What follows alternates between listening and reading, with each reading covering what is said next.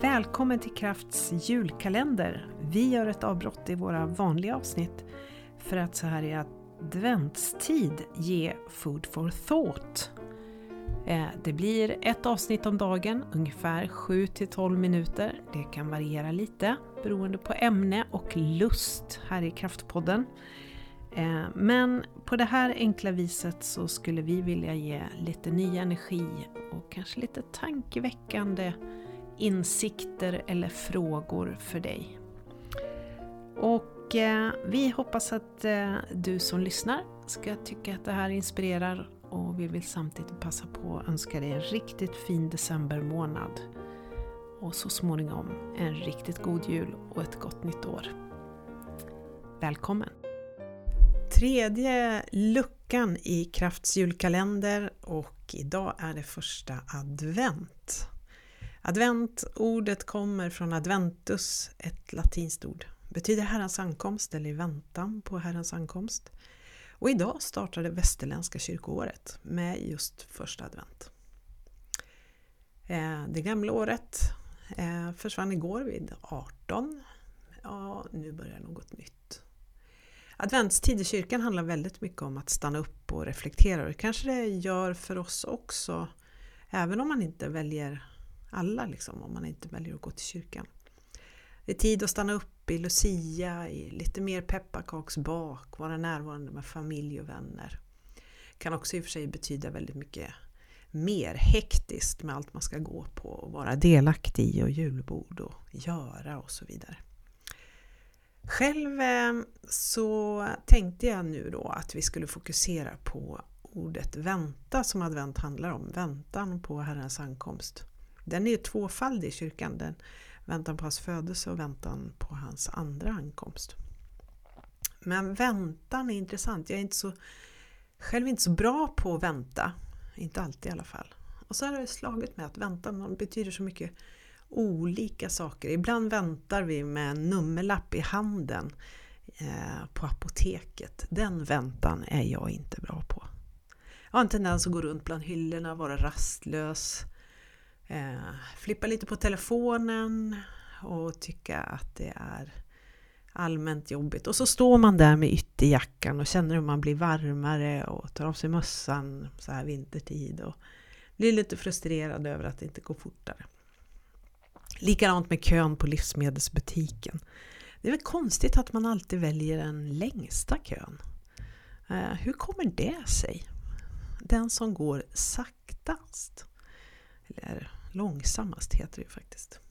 Ja, hur som helst, väntan det uppstår i så många olika situationer. Det uppstår på jobbet också. Jag tänker på väntan på att någon annan ska bli klar med en uppgift. Det kan också vara väldigt frustrerande om jag har begränsad tid själv och eh, jag ska ta vid när någon annan är klar.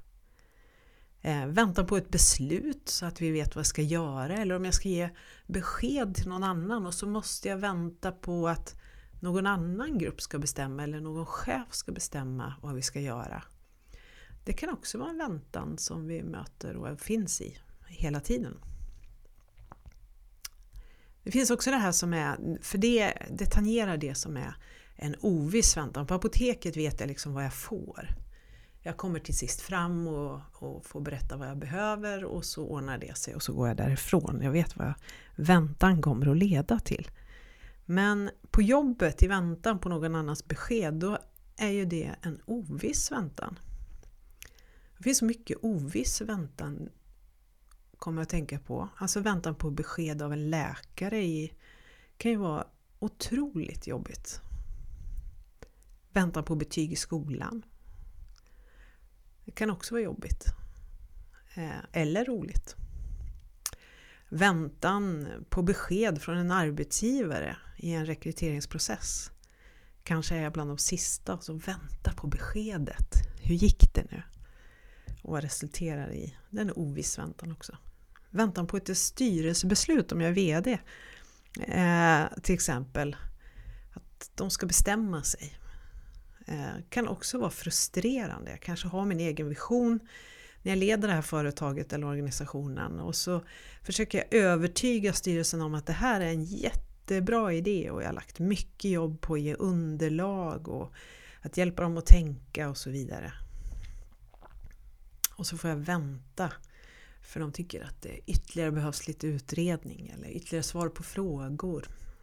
Det kanske är någon annan i organisationen som väntar på att ledningsgruppen ska fatta beslut att eh, bestämma sig vilken riktning bolaget eller organisationen ska ta. Och samtidigt finns man i verksamheten och möter kunder, leverantörer och alla väntar och så får man möta allas frustration. Och ja, det är också en väntan. Entreprenören som väntar på besked från en myndighet om bygglov eller rättigheter till sin restaurang. Eller väntan på ett bankbeslut om lån för att kunna starta en ny del av verksamheten till exempel. Ja, vi väntar på väldigt mycket och väntan väcker ju faktiskt väldigt mycket känslor. Ibland väntar vi på något gott. Och det sägs att den som väntar på något gott, den kan aldrig vänta för länge. Ungefär som jul, förutsatt då att julen är något positivt för oss. Eh, och en varm tanke till dig som bävar inför julen. Och en extra kram. Eh, att vänta på jul, det är att vänta på någonting fantastiskt faktiskt oftast. Det skapar lustfylld förväntan och kan ju till och med ge energi. Även faktiskt när jag vet vad som kommer och är något positivt som ska komma på jobbet så kan ju det ge energi. Eh, det här med att väntan ger känslor, att vänta i ovisshet, det ger ju ofta känslor som oro, olust, förvirring, rastlöshet, förhoppning, nyfikenhet. Eller ilska och frustration eller förhoppningar. Så när vi väntar på någonting på jobbet så är det ju ganska viktigt att tänka på att vi reagerar olika, särskilt när vi samarbetar och samverkar med andra, att känslorna tar mycket plats i vårt samarbete. Vi hanterar ju väntan på någonting så helt, på så helt olika sätt och vi har också olika förutsättningar. Vi har olika förutsättningar kanske i våra privata liv och personliga förutsättningar i form av personlighet, om hur vi är lagda så att säga.